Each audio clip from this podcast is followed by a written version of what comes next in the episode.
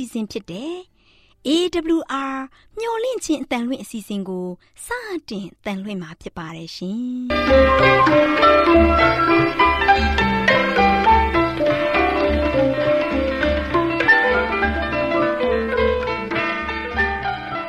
တော်တာရှင်များခင်ဗျာ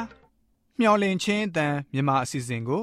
နက်နက်6နိုင်မိနစ်30မှ9နာရီအထိ16မီတာ kHz 10653ည ညပိုင်း9နာရီမှ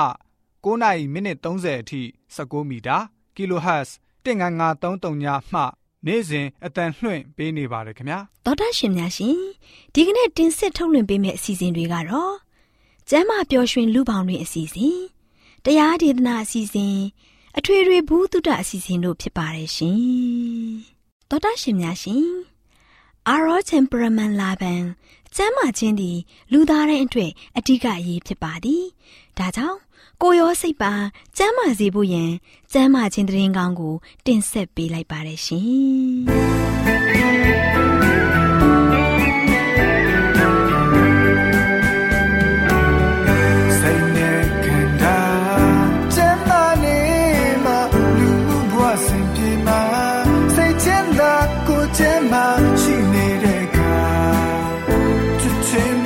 များစွာပေးကဲ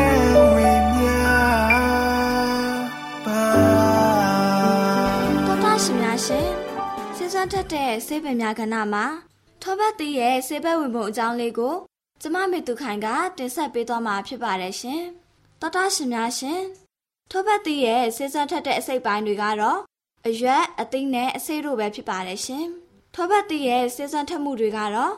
ထောပတ်သီးကိုတရုတ်နန်းနန်းစားတို့နဲ့ရောတုပ်စားရင်ဝမ်းပိုင်းနဲ့ဥမာဖြစ်တဲ့ယောဂတွေအတွက်ကောင်းပါတယ်။ထောပတ်သီးကအစာချေချက်မှုကိုအားပေးသလို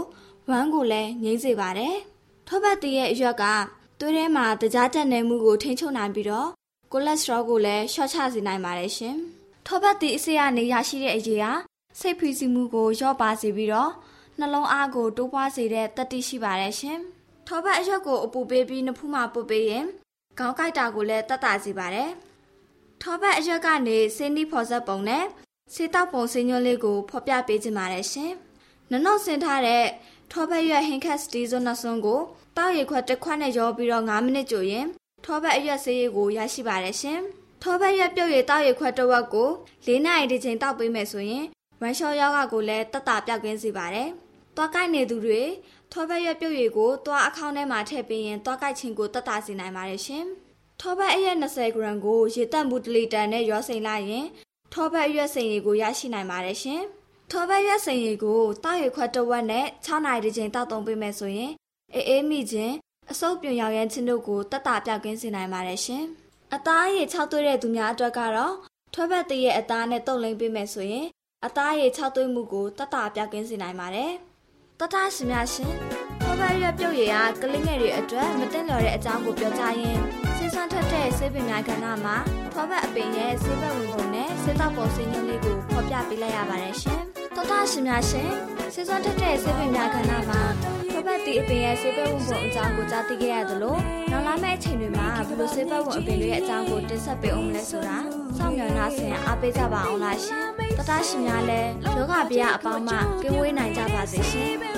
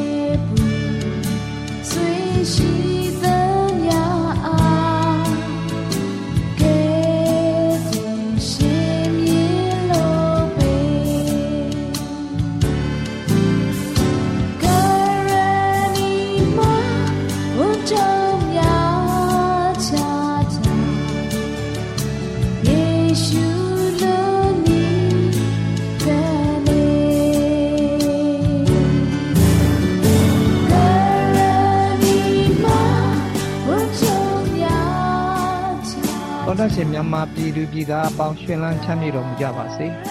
ဒီနေ့တော့သာသနာပြုဆရာကြီးရှင်ဘောလူလျှောက်လှမ်းခဲ့တဲ့ခြေရာများဆိုတဲ့ခေါင်းစဉ်နဲ့ဟောကြားသွားမှာဖြစ်ပါတယ်တော်တတ်ရှင်များခင်ဗျာကျွန်တော်ရှိဥစွာတာမကျမ်းစာကိုဖွင့်ဖတ်ကြရအောင်ကျွန်တော်ဖွင့်နေတဲ့ကျမ်းစာကတော့တမန်တော်ဝတ္ထုအခန်းကြီး9အခန်းငယ်15ကိုကျွန်တော်ဖတ်မယ်သခင်ဘုရားကလည်းထိုသူကတပါးအမျိုးသားတို့နှင့်ရှင်မင်းတို့ထံသို့၎င်းဣသေလအမျိုးသားတို့ရှိရာသို့၎င်း ငါဤနာမကို ပို့ဆောင်စေခြင်းကငါရွေးကောက်သောတစားဖြစ်၏ဘုရားရှင်ပေါင်းတို့ခင်ဗျာထိုသူကဆိုတဲ့နေရာမှာရှင်ဘောလူကိုဆိုလိုတာဖြစ်ပါတယ်ရှင်ဘောလူကိုဘုရားသခင်ကဘာမျိုးသားတို့နဲ့ရှင်မင်းများထံသို့၎င်းဣသေလလူမျိုးများထံသို့၎င်းဘုရားသခင်နှုတ်ကပတ်တရားတော်ကိုဟောကြားဖို့ရွေးချယ်ခြင်းခံရတဲ့ပုဂ္ဂိုလ်ဖြစ်တယ်လို့ဖော်ပြထားတာတွေ့ရပါတယ်ကျွန်တော်အနေနဲ့ရှင်ဘောလူနှစ်ချင်းခံခဲ့တဲ့နေရာရှင်ဘောလူအမှုတော်ဆောင်ရွက်ခဲ့တဲ့နေရာ ရှင်ဘောလူထောင်သွင်းအကျဉ်းချခြင်းခံခဲ့ရတဲ့နေရာရှင်ဘောလူရဲ့လေဘင်းကိုဖြတ်ပြီးတတ်ခဲ့တဲ့နေရာတွေကိုသွားရောက်လေ့လာခွင့်ရတဲ့အတွက်အလွန်ထူးမြတ်တဲ့အခွင့်အရေးတစ်ရပ်ပါပဲ။သွားရောက်လေ့လာခွင့်ရခဲ့တဲ့အတွက်ဘုရားသခင်ရဲ့ကျေးဇူးတော်ကိုလည်းချီးမွမ်းလို့မကုန်နိုင်ပါဘူး။ကျွန်တော်တို့လေ့လာကြည့်တဲ့အခါမှာရှင်ပေါလုဟာသခင်ယေရှုခရစ်ရှင်ပြန်ထမြောက်ပြီးတဲ့နောက်ပိုင်းခဏိအထိသခင်ယေရှုခရစ်ကလွဲရင်ဘု ရားသခင်အမှုတော်ဆောင်ရွက်တဲ့နေရာမှာအထင်ရှားဆုံးနဲ့အံ့ဩစရာအကောင်းဆုံးတူးဒီသောပုဂ္ဂိုလ်ကြီးပါရှင်ဘောလူရဲ့အသက်တာပြောင်းလဲသွားခဲ့ရပုံနဲ့မေတ္တာတရားကိုသာဗราဏာထားပြီးလှုပ်ဆောင်သွားခဲ့တဲ့အတွက်အံ့ဩစရာမှတ်တမ်းများဖြစ်တဲ့အပြင်ထာဝရမေ့ပြောက်လို့မရနိုင်တဲ့တမ္မာကျမ်းစာရဲ့တမိုင်းမှတ်တမ်းများလည်းဖြစ်ပါတယ်ကျွန်တော်တို့ရှင်ဘောလူမပြောင်းလဲမီအသက်တာကိုနည်းနည်းပြန်စဉ်းစားကြည့်ကြရအောင်ရှင်ဘောလူဟာလူမျိုးဆွဲဘာသာဆွဲ ဂိုင်းကနဆွဲအလွန်ပြင်းထန်တဲ့တယူသံသမားတစ်ယောက်ပါအယူသီးသမားတစ်ယောက်ပါယူရဘာသာကလွဲရင်အခြားဘာသာဝင်တွေဟာဒိဋ္ဌိတွေမိစ္ဆာတွေလူစည်းမှာစရင်သွင်းလို့မရတဲ့ပုံကူတွေလို့ခွဲခြားသတ်မှတ်ခဲ့တဲ့ပုံကူပါခရစ်တော်နဲ့ခရိယန်ဆိုတဲ့စကားကိုနားထဲမှာလုံးဝမကြားချင်ပါဘူးမလွဲတာမရှောင်တာလို့နားထဲမှာကြားရတဲ့အခါတိုင်းမှာလဲခါသီးလွန်းလို့ တွေ့ရသင်ချိုင်းဓာမဆိုင်ပဲခရိယန်ဟူသည်များကို မြေကြီးပေါ်ကဖယ်ရှားပစ်မယ်လို့သံနှိဋ္ဌံချခဲ့တဲ့ပုဂ္ဂိုလ်ပါသူ့ရဲ့ဆုံးဖြတ်ချက်သံနှိဋ္ဌံချချက်နဲ့အညီခရိယန်တွေကိုတအိမ်တက်တအိမ်ဆင်းတတော်ဝင်တတောင်ထွက်ရှာဖွေဖမ်းဆီးလိုက်လံတပ်ဖြတ်နေတဲ့ပုဂ္ဂိုလ်ပါချစ်တော်သောရှင်ပေါင်းတို့ခင်ဗျာတနေ့မှာတော့ခရိယန်တွေကိုရှာဖွေဖမ်းဆီးဖို့ တပ်ပြတ်ဖို့ဓမ္မသက်မျိုးကိုသွားနေတဲ့လမ်းခီးမှာသခင်ယေရှုခရစ်နဲ့မျက်နှာချင်းဆိုင်တွေ့လဲရပါတော့တယ်သောရရှင်ပေါင်းတို့ခင်ဗျာကျွန်တော်တို့စဉ်းစားကြည့်ပါသခင်ယေရှုခရစ်နဲ့မျက်နှာချင်းဆိုင်တွေ့လိုက်တဲ့အခါမှာခရိယန်တွေကိုလိုက်တတ်နေတဲ့ခရစ်တော်ရဲ့ယံသူရှင်ပေါလုဟာသခင်ယေရှုခရစ်ရဲ့ဓမ္မအမှုတော်ဆောင်ကြီးအဖြစ်ပြောင်းလဲသွားခဲ့ရပါတယ် ဒါဒီမကသေးပါဘူးခရိယန်သမိုင်းအဆက်ဆက်ခရိယန်ဘာသာမှာလူအများဆုံးအထူးလေးစားကြီးညိုခြင်းခံရတဲ့ဓမ္မကတိကကြီးအဖြစ်ပြောင်းလဲသွားခဲ့ခြင်းဟာဘလောက်များအံ့ဩစရာကောင်းပါသလဲပထမအရှင်ပေါလုဟာခရိယန်ဘာသာရဲ့ယုံကြည်ချက်တွေကိုလိုက်လံဖျက်ဆီးပစ်နေတဲ့ပုဂ္ဂိုလ်ပါဒါပေမဲ့သခင်ယေရှုခရစ်နဲ့မျက်နှာချင်းဆိုင်တွေ့ပြီးတဲ့နောက်မှာတော့ခရိယန်ဘာသာနဲ့ခရိယန်ဘာသာရဲ့ယုံကြည်ချက်တွေကိုကာကွယ်တဲ့ပုဂ္ဂိုလ်ကြီးအဖြစ်ပြောင်းလဲသွားခဲ့ရပါပြီ။ တာရှုမြို့သားရှောလူဘဝကနေမိတော့မီလီယံတမျှတကိုးအရှိန်ဝါကြီးမားလာတဲ့ကဘာကျော်ခရိယန်ဓမ္မကတိကကြီးအဖြစ်ပြောင်းလဲသွားစေခဲ့ပါပြီခင်ဗျာ။ရှင်ပေါလုရဲ့မိဘနှစ်ပါးနဲ့ရှင်ပေါလုရဲ့ငယ်စဉ်ဘဝအကြောင်းကိုတော့တာရှုမျိုးသားဖြစ်တယ်ဆိုတဲ့အချက်ကလွဲရင်ကျွန်တော်အခြားဘာမှတိတိကျကျသိမသိကြပါဘူးရှင်ပေါလုရေးတဲ့စာထဲမှာသူ့ကိုယ်သူဘလို့ရေးသားဖော်ပြထားပါသလဲကျွန်တော်ဖတ်ပြပါရစေ ဖိလိပ္ပိဩဝါဒစာအခန်းကြီး3အခန်းငယ်9ကိုကျွန်တော်တို့ဖွင့်ဖတ်ကြမယ်ငါသည်ရှေ့ရမြောက်သောနေ့၌အယေပြားလှီးခြင်းကိုခံရ၏ဤသီလအမျိုးဘယမင်းအနွယ်ဖြစ်၏ဟေပြဲလူမှဆင်းသက်သောဟေပြဲလူစစ်ဖြစ်၏တရားအားဖြင့်ဖာရီရှဲဖြစ်၏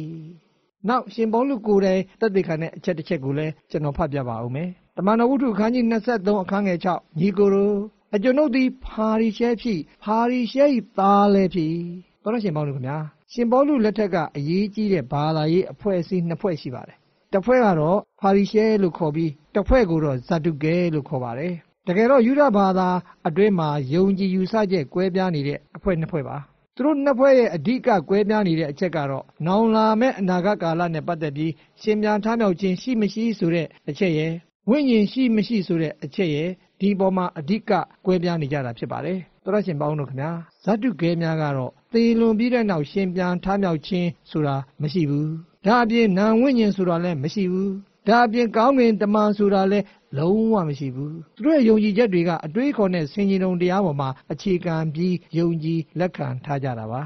ဇာတုကဲတွေဟာလူများစုတော့မဟုတ်ပါဘူးဒါပေမဲ့ဇာတုကဲအဖွဲ့ဟာချမ်းသာကြွယ်ဝသူများဩဇာအာဏာအရှိန်အဝါကြီးမားတဲ့ပညာရှင်တွေ ယေဘရဟိယာရုအကြီးပိုင်းတွေကိုလက်ကင်ရရှိထားတဲ့ပုဂ္ဂိုလ်တွေစိန်ဟီဒရင်အုပ်ချုပ်ရေးအဖွဲ့ဝင်တွေဖြစ်တာကိုတွေ့ကြပါတယ်။ဖာရိရှဲတွေကတော့ယူဒဘာသာအတွက်အထူးစိတ်အားထက်သန်သူများလို့ဆိုရပါလိမ့်မယ်။ဒါကြောင့်သခင်ယေရှုခရစ်ကဘယ်လိုမိန့်တော်မူခဲ့ပါသလဲ။မဿဲအခန်းကြီး23အခန်းငယ်15မှာဖာရိရှဲတို့သည်လူတယောက်ကိုပင်ဘာသာသွင်းခြင်းက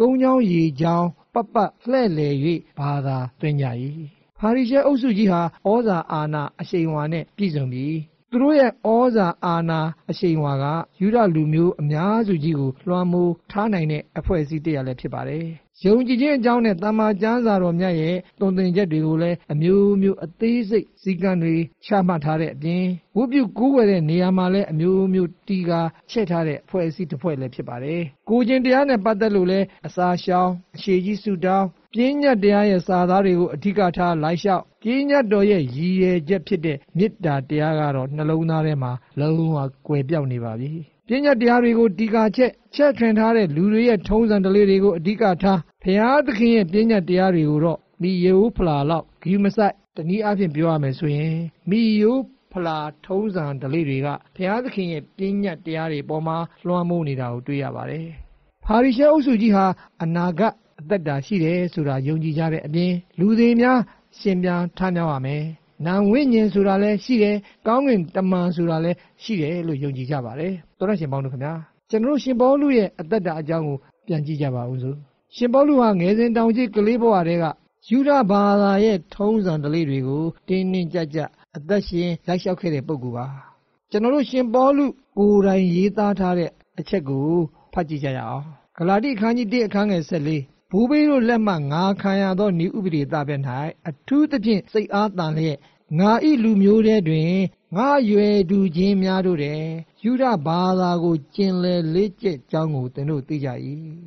ယူဒဘာသာကိုအခြားယူဒလူမျိုးတွေတဲ့ပုံမူလိုက်စားတယ်လိလာတယ်သင်ကြားတယ်နာယူတယ်အခြားလူတွေတဲ့ပုံမူနားလေတယ်ဆိုတာကိုသူကတက်သိခံထားပါတယ်ရှင်ပေါလုဟာကိုယ်တိုင်နဲ့ဖာရီရှဲပါ မျိုးရိုးကလည်းဖာရီရှဲဖြစ်တဲ့အပြင်သူ့ရဲ့အချိန်ကနာမည်အကြီးဆုံးဖြစ်တဲ့ပညာရှင်ကြီးဂါမေလရဲ့တပည့်တယောက်လည်းဖြစ်ပါတယ်။ရှင်ပေါလုဟာယူဒလူမျိုးတယောက်ဖြစ်ပေမဲ့ယောမနိုင်ငံသားအဖြစ်ခံယူထားတဲ့ပုဂ္ဂိုလ်တူပါ။ရှင်ပေါလုတွေနဲ့ဘယ်လိုနည်းနဲ့ယောမနိုင်ငံသားအဖြစ်ရရှိထားတယ်ဆိုတာကတော့ဘယ်သူမှတိတိကျကျမသိနိုင်ပါဘူး။သူ့ရဲ့ဖခင်ကငွေကြေးအမြောက်များပေးပြီးယောမနိုင်ငံသားအဖြစ်ခံယူထားတာလား။ ဒါမှမဟုတ်ရင်တိုက်ပွဲတပွဲပွဲကိုယောမများနဲ့အတူပါဝင်တိုက်ခိုက်ခဲ့လို့တိုက်ပွဲတိုက်ရမှာထိခိုက်တိုက်ပွဲတိုက်ရမှာ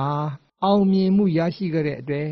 အစွမ်းပြနိုင်ခဲ့လို့ဆုလတ်များအဖြစ်ယောမအစိုးရကရှင်ပေါလုတို့မိသားစုကိုယောမနိုင်ငံသားအဖြစ်ပေးသနာခဲ့တာလားဆိုတာကတော့ဘယ်သူမှတိတိကျကျမပြောနိုင်ပါဘူး။သောရရှင်ပေါင်းတို့ခင်ဗျာယူဒလူမျိုးများရဲ့ထုံးစံဓလေ့တစ်ခုကယူဒလူမျိုးယောက်ျားလေးတိုင်းကို ကုန်ကူးသားရောင်းဝယ်ရေးနောက်ပြီးတော့စာရေးစာဖတ်အတွက်အစရှိတဲ့ပညာတွေကိုမရမနေကြိုးစားသင်ကြားပေးကြပါတယ်။နောက်ပြီးယူရများအနေနဲ့ယောက်ျားကလေးတိုင်းကိုအရေးပြားလှီးပေးကြပါတယ်။ရှင်ပေါလုဟာယူရထုံးစံတွေကိုတိတိကျကျတင်းတင်းကြပ်ကြပ်လိုက်လျှောက်ခဲ့တယ်ဆိုတော့ဒါတွေအားလုံးတစ်ခုမှလက်ခင်းခဲ့မှာမဟုတ်ပါဘူး။ဒါ့အပြင်ဥပရိပညာ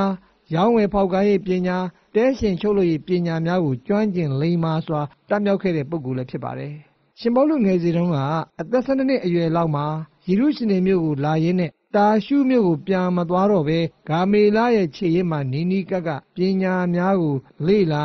သင်ယူရင်းယေရုရှလင်မြို့မှာပဲကြီးပွားလာတာလားဒါမှမဟုတ်ရင်ဘယ်အချိန်မှဘယ်လိုရောက်လာပြီးတာရှုမြို့ကနေယေရုရှလင်မြို့ကိုရောက်လာပြီးဘယ်လိုနေသလဲဆိုတာကတော့ကျွန်တော်တိတိကျကျဒါလဲနားလည်ရတော့အခွင့်မရပါဘူး။တမန်ကျမ်းစာကိုလေ့လာသူများကတော့ရှင်ပေါလုဟာအသက်၁၂နှစ်အရွယ်လောက်မှာ ပတကာပွဲလာရင်းနဲ့ဂါမေလရဲ့ခြေရစ်မှာပညာသင်ကြားရင်းနဲ့ယေရုရှလင်မြို့မှာကြီးပြင်းလာခြင်းဖြစ်တယ်လို့ခံယူရတာတွေ့ရပါတယ်။ရှင်ပေါလုဟာပညာရှင်ကြီးဂါမေလရဲ့လေ့ကျင့်မှုသင်တန်းကိုလေးလေးနက်နက်ရရှိထားတဲ့ပုဂ္ဂိုလ်တူပါ။ချစ်တော်တော်ရှင်ပေါလုခင်ဗျာရှင်ပေါလုအကြောင်းကိုဒီနေ့တော့ဒီလောက်နဲ့ပဲကျွန်တော်တို့အဆုံးသတ်ကြရအောင်။မနက်ဖြန်မှသူ့ရဲ့ပြောင်းလဲခြင်းအကြောင်းကိုဆက်လက်လေ့လာကြပါစို့။တော်တော်ရှင်မြန်မာပြည်သူပြည်သားအပေါင်း ကြွယ်ဝစွာသောဘုရားသခင်ကောင်းကြီးမင်္ဂလာအဖျားဖျားသုံးလောင်းချပေးပါစေအာမင်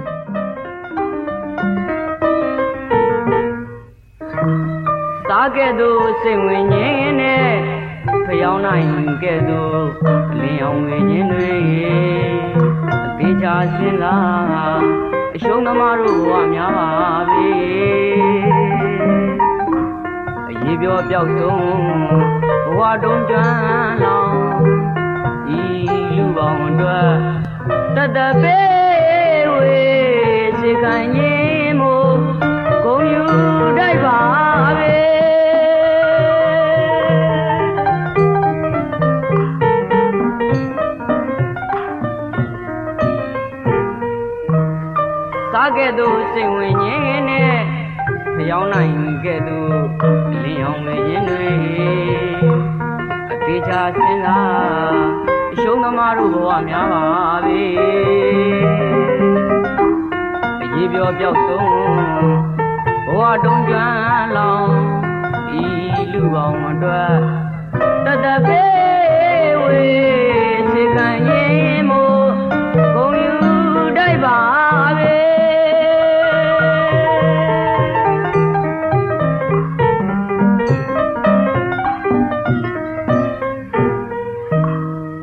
သား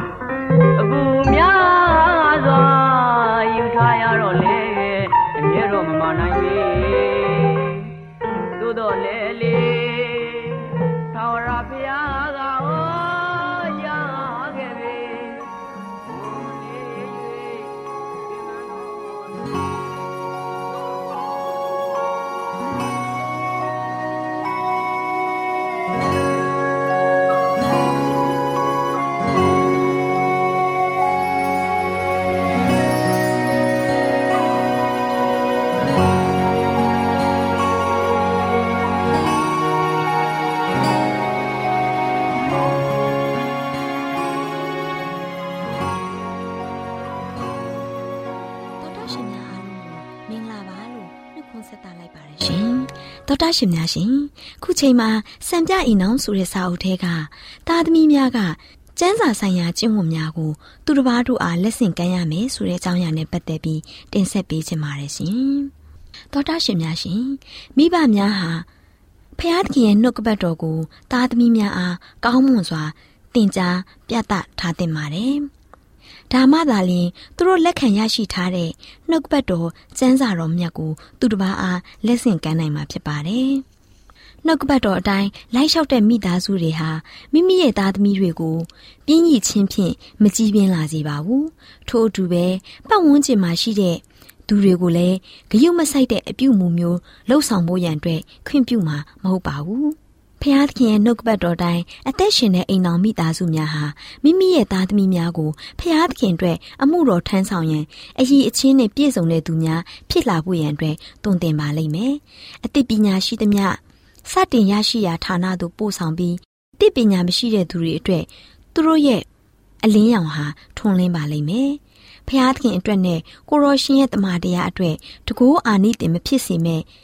ဩဇာတက်ရောက်မှုမျိုးကို ဖြန့်ဖြူးပေးမှာမဟုတ်ပါဘူး။သောတာရှင်များရှင်ယနေ့မှာနေအောင်ကြီးကဲ့သို့ထွန်းပြောင်တဲ့မိဘများနဲ့ခရိယန်များတို့ကိုများစွာလိုအပ်လျက်ရှိပါတယ်။ကျွန်ုပ်တို့ဟာကိုရေးကိုရာကိစ္စများနဲ့လုံထွေရစ်ပတ်လျက်ရှိတယ်။ကျွန်ုပ်တို့ရဲ့သားသမီးတွေစိတ်ဒုက္ခရောက်လျက်ရှိတဲ့သူတွေနှိပ်စက်ကလူပြုခံရတဲ့သူတွေတနာညာတာမှုပြုဖို့စိတ်အားတက်ဖွယ်စကားပြောဖို့ သူတစ်ပါးအားပြုံးရွှင်စွာနှုတ်ဆက်စကားပြောဖို့ကျွန်ုပ်တို့ဟာမကြာခဏပြက်ကွက်တတ်ပါတယ်။သောတာရှင်များရှင်ဒီနေ့ဒီချိန်မှာမိဘတို့အားအလင်းဆောင်သောသူများအဖြစ်အလင်းရောင်ထွန်းပင်းတဲ့သူအဖြစ်ဆောင်ရွက်ဖို့ရန်တာဝန်ရှိနေပါတယ်။အိမ်တောင်ဟာမိအိမ်တစ်ဖွဲအလင်းရောင်ထွန်းလင်းခြင်းအပြင်မိဘတို့ရဲ့သားသမီးများဟာကြော်ဖြတ်ရမယ့်လမ်းခရီးကိုအလင်းရောင်ဖြင့်ပြေဝနေစေရမယ်။သို့မှသာတင်တို့ရဲ့အလင်းရောင်အားဖြင့်ပြင်ပမှာရှိတဲ့သူတစ်ပါးကို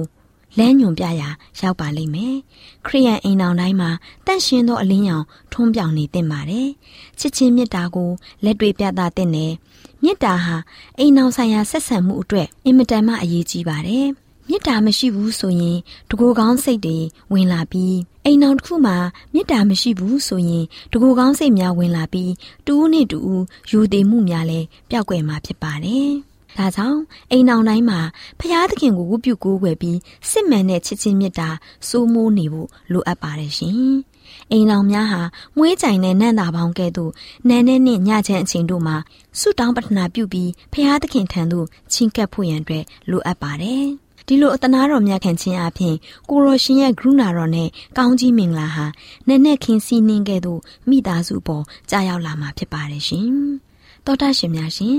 ခရိယန်တို့ရဲ့ပထမလုပ်ငန်းဟာမိသားစုတို့ရဲ့စီးလုံးမှုကိုအရယူဖို့ဖြစ်ပါတယ်။မိသားစုမှတဆင့်ကိုယ့်ရဲ့ပတ်ဝန်းကျင်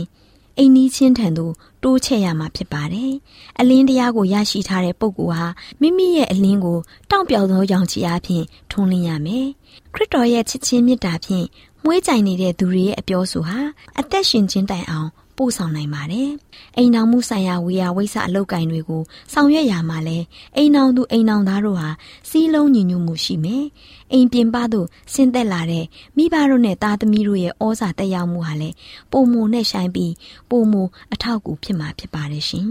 ။နားဆင်ခဲ့ကြတဲ့တောတာရှင်များအားလုံးလည်းဖះသခင်ရဲ့အလင်းရောင်ကိုထုံးလင်းနိုင်တဲ့မိသားစုများဖြစ်နိုင်ကြပါစေ။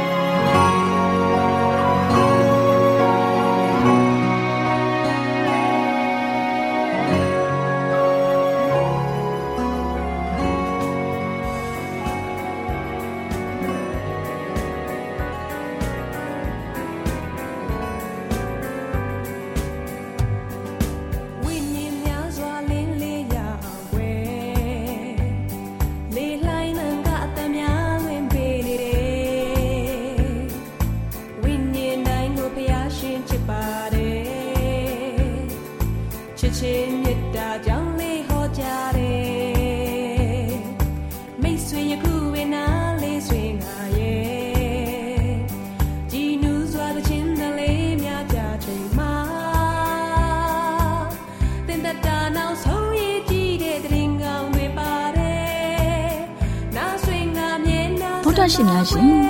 ကျမတို့ရဲ့ဓာတ်တော်စပေးစာယူတင်နန်းဌာနမှာအောက်ပါတင်ဒားများကိုပို့ချပေးလို့ရှိပါလို့ရှင်တင်ဒားများမှာဆိဒ္ဓတုခရှာဖွေခြင်းခရစ်တော်၏အသက်တာနှင့်တုန်တင်ခြင်းများတဘာဝတရားဤဆရာဝန်ရှိပါကျမ်းမာခြင်းနှင့်အသက်ရှိခြင်းသင်နှင့်တင့်ကြမာရေးရှာဖွေတွေ့ရှိခြင်းနှံ့ညွန်သင်ခန်းစာများဖြစ်ပါလို့ရှင်တင်ဒားအလုံးဟာအခမဲ့တင်ဒားတွေဖြစ်ပါတယ်ဖြစ် ဆိုပြီးတဲ့သူတိုင်းကိုဂုံပြုလွှာချင်းမြင်ပေးမှာဖြစ်ပါလိမ့်ရှင်။တောတာရှင်များခင်ဗျာဓာတိတော်အတန်းစာပေးစာယူဌာနကိုဆက်သွယ်ခြင်းနဲ့ဆိုရင်တော့ဆက်သွယ်ရမယ့်ဖုန်းနံပါတ်ကတော့399 656 296 336နဲ့399 98 316 694ကိုဆက်သွင်းနိုင်ပါတယ်။ဒါ့အပြင်အသံစာပေးစာဥထာဏာကိုအီးမေးလ်နဲ့ဆက်သွယ်ခြင်းနဲ့ဆိုရင်တော့ l a l r a w n g awla@gmail.com ကိုဆက်သွင်းနိုင်ပါတယ်။ဒါ့အပြင်အသံစာပေးစာဥထာဏာကို Facebook နဲ့ဆက်သွယ်ခြင်းနဲ့ဆိုရင်တော့ SOESANDAR Facebook အကောင့်မှာဆက်သွင်းနိုင်ပါတယ်။ဒေါက်တာရှင်များရှင်မျောလင့်ချင်းတန်ရေဒီယိုအစီအစဉ်မှာတင်ဆက်ပေးနေတဲ့အကြောင်းအရာတွေကိုပိုမိုသိရှိလိုပါကဆက်သွယ်ရမယ့်ဖုန်းနံပါတ်များကတော့39ခွန်63 986 126 ဖြစ်ပါတယ်ရှင်။နောက်ထပ်ဖုန်းတစ်လုံးနေနဲ့39ခွန်6ခွန်88ခွန်669တို့ဆက်သွယ်မြင်းမြန်းနိုင်ပါတယ်ရှင်။တောတာရှင်များရှင် KSTA အာကခွန်ကျွန်းမှာ AWR မျိုးလင့်ချင်းအတံမြန်မာအစီအစဉ်များကိုအတံလွှင့်ခဲ့ခြင်းဖြစ်ပါတယ်ရှင်။ AWR မျိုးလင့်ချင်းအတံကိုနာတော်တာဆင် gay ကြတော့တောတာရှင်အရောက်တိုင်းပေါ်မှာဘုရားသခင်ရဲ့ကြွယ်ဝစွာသောကောင်းကြီးမင်္ဂလာတက်ရောက်ပါစေ ကိုစိတ်နှဖျားစမ်းမွှေလန်းကြပါစေကျေးဇူးတင်ပါတယ်ခင်ဗျာ